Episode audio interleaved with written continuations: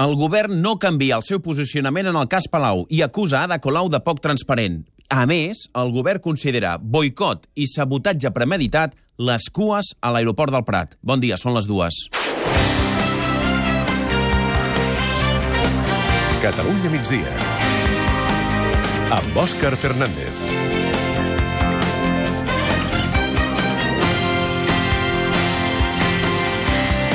La portaveu del govern, Neus Munté, ha sortit a la roda de premsa posterior al Consell de Govern. De fet, encara s'està fent ara aquesta roda de premsa, amb ganes de posar a tothom al seu lloc. Ha repartit estopa, com es diu vulgarment.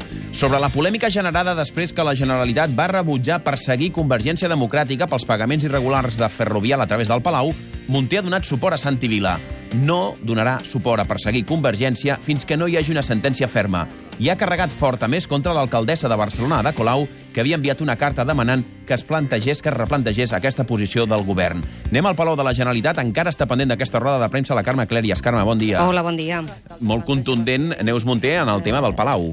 Sí, ha estat contundent per reiterar que esperaran a que hi hagi sentència, que abans no faran res. Assegura que aquesta és una posició unànime de tot el govern de la Generalitat, que aquesta és la posició clara amb la que ha sortit mm, de la reunió del govern i ha acusat també Ada Colau de no ser lleial. Diu que va enviar una carta al president Puigdemont per demanar-li que convoqués de nou el Consorci avui i que aquesta carta va ser publicada abans d'arribar a les seves mans, de passar d'un costat de la plaça a l'altre. També li ha recordat que com a vicepresidenta del Consorci ella també la pot convocar.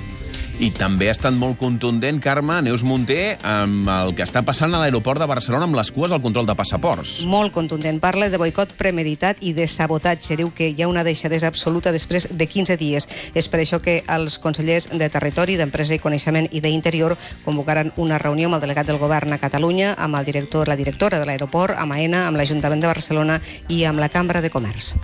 D'aquestes cues a l'aeroport avui també n'havia parlat el delegat del govern espanyol a Catalunya, Enric Millo, ho ha fet a Ràdio 4. I bàsicament, atenció, perquè ha demanat a tothom que s'ho prengui amb calma. Exigir a l'administració que posi els recursos per suposat, eh? I tècnics, informàtics i humans, per descomptat. Ara, també jo demano a tothom una mica de reflexió eh, una mica de canvi d'hàbits culturals en relació a aquest tema. Eh? Estem molt acostumats a que tot sigui de pressa, eh? que s'agafa tot, no? Doncs és la recepta d'Enric Millo per a aquells que us trobeu cues en el control de passaports de l'aeroport del Prat. Insisteixo que en el de Madrid-Barajas no n'hi ha de cues. En canvi, en el de Barcelona ens ho hem de prendre amb, amb filosofia. Atenció ara a aquest tema que ha pogut saber Catalunya Ràdio. El creixement del nombre de famílies nombroses col·lapsa l'administració. Amb les dades de natalitat que tenim a Catalunya, el titular que hi ha moltes famílies nombroses sembla enganyós, però no ho és. I és que hores d'ara s'està donant un nou fenomen a Catalunya impulsat pels nous beneficis fiscals que comporta ser família nombrosa i que fan que creixin cada vegada més. Moltes famílies separades amb fills es tornen a reagrupar amb altres parelles que es casen o es fan parella de fet creant noves famílies, aquestes sí, nombroses. Ho ha explicat el director executiu de la Federació de Famílies Nombroses de Catalunya, Raül Sánchez. Si mirem la xifra, em sembla que ha anat augmentant cada any en 2.000 o 3.000 famílies més respecte a l'any anterior, no? I això és, jo penso, per això, perquè estan sortint aquests beneficis fiscals que requereixen d'estar en possessió del títol Ara la Generalitat investiga si hi ha nens i nenes que es compten per duplicat. Els dos pares separats compten els seus fills amb les seves noves parelles. Aquest augment de les famílies nombroses perjudica també les famílies monoparentals, que han d'esperar fins a mig any perquè les acreditin com a tal. De seguida ampliem aquest tema i el fenomen de les noves famílies nombroses. També parlarem del cas Adixa, vaja, el del 3% denunciat al seu dia per Pasqual Maragall. Carlos Baraibar, bon dia. Bon dia. Avui els tres acusats que han reconegut els fets i han pactat amb la Fiscalia evitaran anar a la presó. Si l'altre acusat, l'empresari Antonio Salguero, que no ha volgut pactar amb la Fiscalia, ha assegurat eh, al judici que li van exigir el pagament de comissions si volia cobrar per la feina feta. Felipe Puig estaba al corriente de todo, de todo, de todo. De hecho, la persona que me contrató a mí era un familiar de él. Artur Mas está al corriente de todo y me mandó al señor Ferran Falcó a solicitarme silencio. Es una pieza importante en esto y es un encubridor y un delincuente. Els jutjats de Vilanova i la Geltrú aquest matí passen a disposició judicial els sospitosos de la mort d'un guàrdia urbà cremat a dins del seu cotxe. I per seguir amb el misteri general que envolta aquest cas, a última hora ha aparegut un testimoni que hores d'ara encara ningú no sap qui és. Vilanova, Àngels López.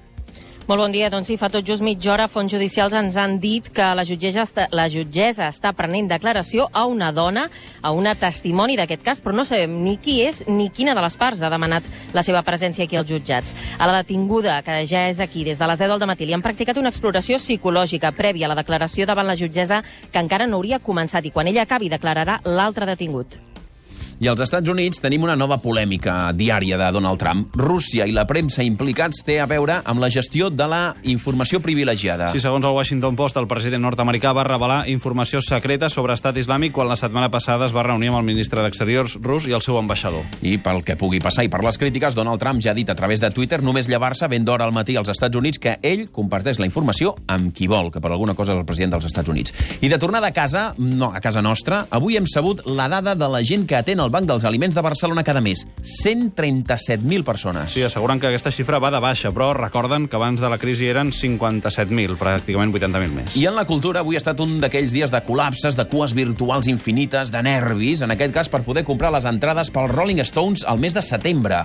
Parlarem de com està tot plegat ara mateix, sembla que una mica més tranquil que a primera hora, i també parlarem del Liceu, on aquesta nit hi ha un debut molt especial. Debuta Viviana Fernández. Sí, s'estrena com a actriu en l'òpera còmica Le Fille de Regiment. Uh, no canta, però sí que té frase. He tenido una inauguración de lujo. Yo creo que esto va a ser presentación, homenaje y despedida, pero vamos, yo siempre estoy dispuesta a seguir cantando, incluso si me lo piden, ¿eh?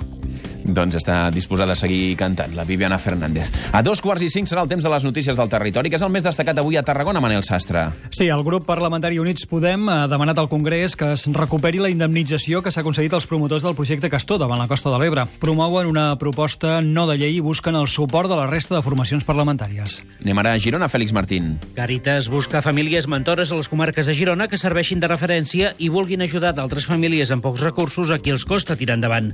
Volen que això les ajudi a sortir d'un cercle que sovint només les relaciona amb serveis socials i amb persones que, com ells, tenen dificultats econòmiques. Seguim ara per Lleida, Pere Joan Álvarez. Un centenar de gent rural s'han concentrat aquest matí davant la de la Generalitat per exigir més seguretat després de l'assassinat de dos membres del cos fa quatre mesos a Aspa, al Segrià. També exigeixen el relleu del màxim responsable del cos i del responsable de riscos del Departament d'Agricultura, els quals acusen d'inacció en matèria de seguretat. I acabem a Barcelona, Quim Balaguer. El Banc Europeu d'Inversions considera un préstec de 125 milions d'euros a l'Ajuntament de Barcelona per construir 2.200 habitatges destinats a lloguer a la ciutat. És la primera vegada que el Banc Europeu finança una operació d'aquest tipus a l'Estat. Després de les notícies pròximes, quan faltin 20 minuts per arribar a les 3, serà el moment de l'actualitat esportiva. Robert Prat, bon dia. Bon dia. El president del Barça, Josep Maria Bartomeu, reconeix que treballen per allargar l'etapa guanyadora del Barça i que aquest és l'objectiu número 1 de la planificació. Diu que no tenen com a refer... que tenen com a referència el model Barça, però que fan autocrítica. Reconeix que si no es guanya el campionat de Lliga no serà una temporada exitosa. Acaba de parlar el tècnic del Madrid, Zinedine Zidane, sobre aquest partit decisiu que el Madrid ha de jugar al camp del Celta demà. Diu que lluitaran fins a l'últim minut de l'últim partit. Les reflexions d'alguns dels senadors del Futbol Club Barcelona sobre aquest tram final del campionat de Lliga serà també un dels temes de què parlarem als esports del Catalunya migdia.